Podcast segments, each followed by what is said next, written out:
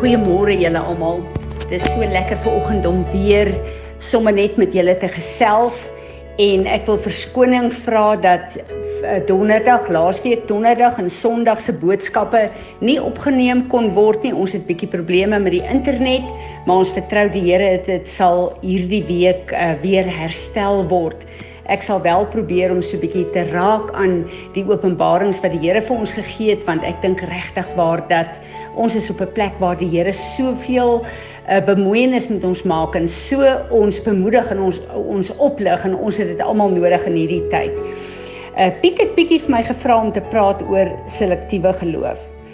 Nou ek en jy weet uh in ons wandel met die Here, daar's sekere goed wat ons met vrymoedigheid kan bid en ons weet die Here gaan dit vir ons doen, maar dan kom ons te staan voor uitdagings en dan is dit skielik vir ons moeilik om die Here te vertrou vir die in ons oë groot goed. En dan wil ons so ehm um, die goed waaroor ons bid skei en baie goed is uh kleiner en baie is groter. Maar op Golgotha het Jesus alles wat in ons oë klein of groot is in vervulling gebring. So waar is die probleem met my en jou. Nou ek wil heel eers te gaan na Jesus Christus wat die woord vir ons sê is die onverganklike saad wat ons ontvang het met ons wedergeboorte. Nou wat beteken hierdie saad?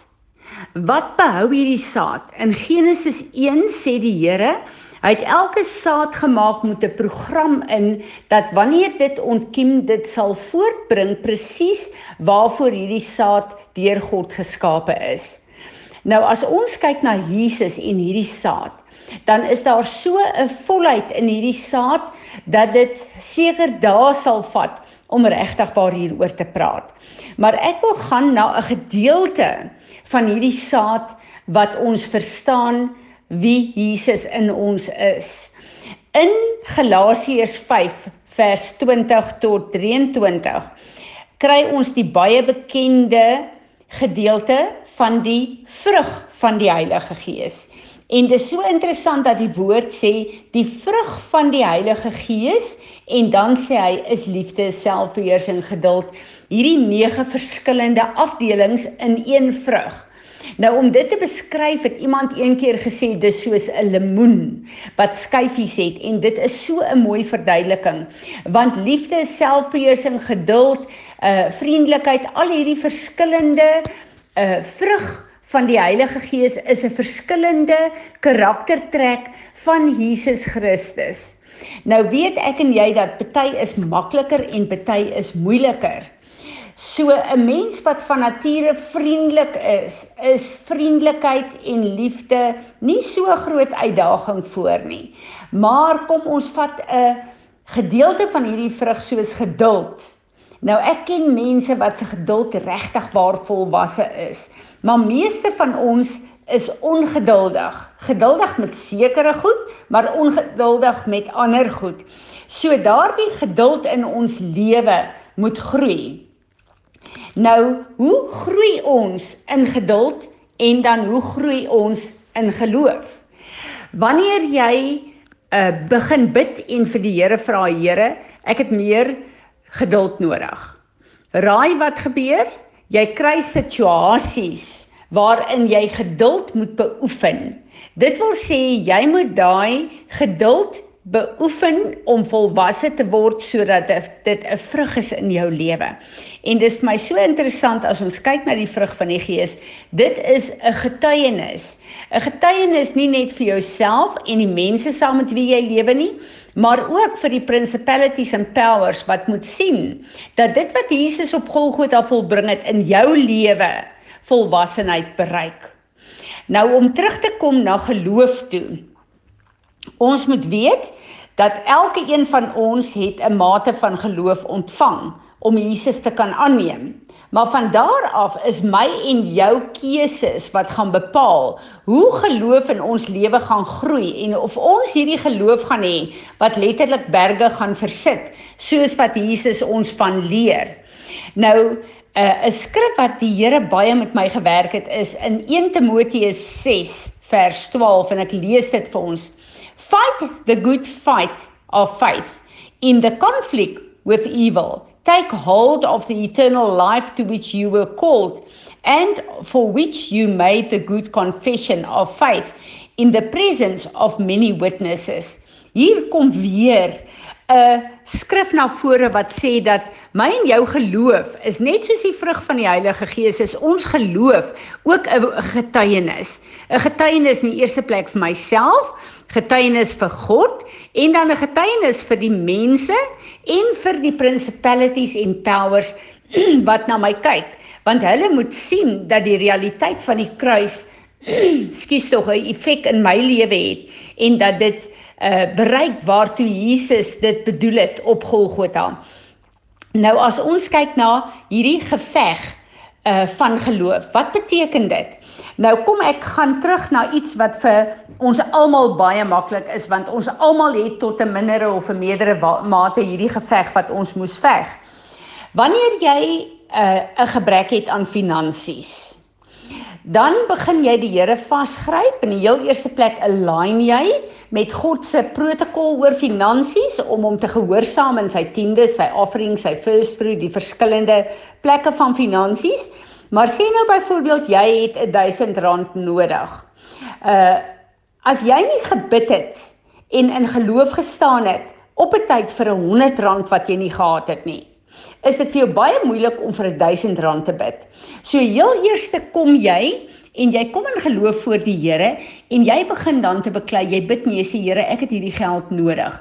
Dan begin jy die vyand, jou gedagtes gevangene neem wat die vyand vir jou gee om te sê Jy het nie geld nie, jy gaan nie geld in die hande kry nie. Jy is arm, jy het nie jou bron is nie groot genoeg om jou vir jou te voorsien nie. So jy kom, jy neem jou gedagtes gevangene en jy maak dit gehoorsaam aan die woord van God wat sê: Hy is jou bron wat onbeperk is. En wanneer jy hierdie 1000 rand nodig het, dan bring jy jou versoek voor Vader en jy sê: Vader, ek weet U is die gewer van alle goeie dinge. Ek is gehoorsaam aan U woord. U weet ek het hierdie 1000 rand nodig. So ek vertrou U Here om U bronne oop te maak en vir my te voorsien meer as wat ek kan bid of kan vra. Wat gebeur? God kom en hy kom eer jou gebed. Hy antwoord dit en jy kry daai 1000 rand. En jy weet, hierdie kom van die Here af. So jy het hierdie geveg gewen in geloof. Môre het jy 'n uh, 20000 rand nodig. Nou is dit vir jou baie makliker om God te vertrou vir 20000 want as hy vir jou die 100 kon gee en die 1000 kon gee, weet jy mos, hy is jou bron wat onbeperk is. Nou kan jy in geloof na hom toe gaan en sê Here, ek vertrou U vir hierdie 20000 rand. Want jou uh, jou geveg oor die 100 rand en oor die 1000 rand het vir jou 'n autoriteit gegee en jou geloof laat groei na 'n plek toe van 20000 rand. So om geloof te hê beteken om 'n geveg te veg in daai area.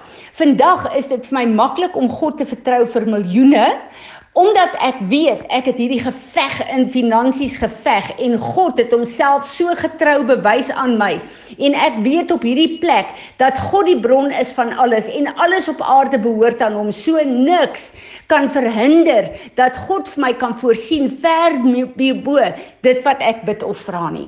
So uh, om selektiewe geloof te hê beteken uh, om daai geloof te vat En elke plek waar die vyand vir jou sê jy kan die Here glo om jou van 'n griep te genees, maar nie van kanker nie. Jy het alreeds gebid vir griep en daai griep het die Here jou aangeraak en vir en jou genees. En nou kom die vyand en sê vir jou maar kanker is bietjie groter as griep. Nee, Ons God is groter as alles en daar is niks wat Jesus nie volbring het op Golgotha vir ons nie. So ek en jy kan kom en ons kan in geloof voor God staan vir alles wat ons nodig het.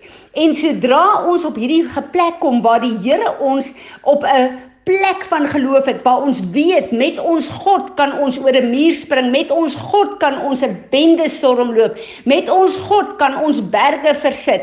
Dan kan hy kom en jou laat staan op 'n plek waar jy met hierdie geloof saam met hom kan beklei vir die nasies van die wêreld en dat jy weet dat met God aan jou kant is daar niks wat voor jou kan bly staan nie. So ek wil ver oggend kom en ek wil elke een van julle kom bemoedig en sê God het vir ons 'n mate van geloof gegee om Jesus aan te neem, maar moet nie daarby bly nie. Moet nie bly by die plekke waar die vyand vir jou belieg en sê God kan sekere goed doen, maar ander goed is te groot nie. Nee, niks is onmoontlik vir hom nie. Die woord sê ons dien die God van die onmoontlike en wat vir my en jou onmoontlik lyk, is vir hom moontlik. Kom ek bid vir ons. Vader, ons kom en ons kom lê onsself neer voor U as lewende offers in hierdie oggend. En ons wil vra Here, ons wil ons sielste mensie, ons verstand, ons uh emosies en ons wil opnuut vir U kom gee. En ons wil vra Heilige Gees van God kom werk in ons wil. Here, laat ons U sal glo, dat ons saam met U op U woord sal staan en berge vir U sal versit. En weet dat U gedagtes oor ons is gedagtes van voorspoed en nie teëspoed nie. En daarom kan ons met vrymoedigheid voor die troon van ons Vader staan vir alles wat ons nodig het. En ek bid Here dat U ons sal help om te verstaan dat U verbondsname is die covering oor ons en daarom onder U verbondsname is daar niks wat ons kort kom nie.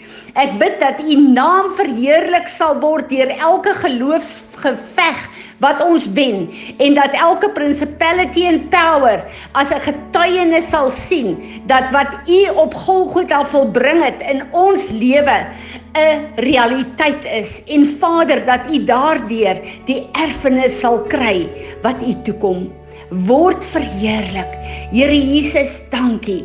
Dankie dat U die een is wat saam met ons veg. Dankie dat ons in U oorwinning elke geveg kan afhandel. Amen.